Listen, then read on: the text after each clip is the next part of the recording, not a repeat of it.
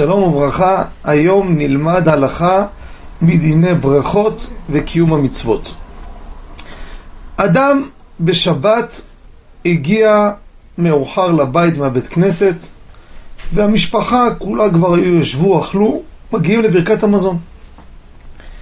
והוא רוצה לצאת ידי חובת קידוש על ידי ברכת בורא פרי הגפן שאחד מבני הבית מברך על כוס ברכת המזון. אומר, תראה, הקידוש זה בורא פרי הגפן. וכוס ברכת המזון זה רק בורא פרי הגפן. תכוון עליי, אתה תכוון לברכת מזון, תכוון להוציא אותי ידי חובת קידוש, זאת הברכה. האם זה אפשרי או לא אפשרי? זו סוגיה מאוד מאוד גדולה, ואני רוצה לתת פה כלל בזמן הקצר שיש לנו, והכלל הזה, רבותיי, ייתן לנו אור להרבה שאלות מהסוג הזה. כידוע, אמרו רבותינו, אין עושים מצוות חבילות חבילות. מצוות לא עושים בקבוצות. זה נראה כמו טורח, כאילו אין לך זמן, אז יאללה בוא נעשה עסקת חבילה. לא טוב. איפה הכלל הזה נאמר? כשאני עושה שתי פעולות שונות בבת אחת. אל תעשה בבת אחת, תעשה פעולה ועוד פעולה. אבל פעולה אחת שבה אני מקיים כמה מצוות, אין בזה איסור. לדוגמה, אני עושה סעודת פורים, ורוצה בסעודה הזאת לקיים גם כן סיום מסכת. שהסעודה תעלה גם לפורים, גם לסיום מסכת.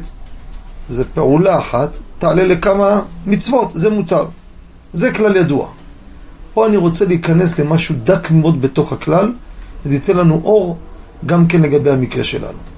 מתי אני אומר שמותר לאדם לעשות פעולה אחת ולקיים בה כמה מצוות שונות? רק כשכל מצווה ומצווה, התכלית שלה שווה זה לזה. לדוגמה, אני בשבת בבוקר עושה קידוש, רוצה גם לפתור את ברכ... לצאת את חובת קידוש על ידי ברכת בורא פרי הגפן של ברית מילה. שם זה ברכה על היין, פה זה ברכה על היין.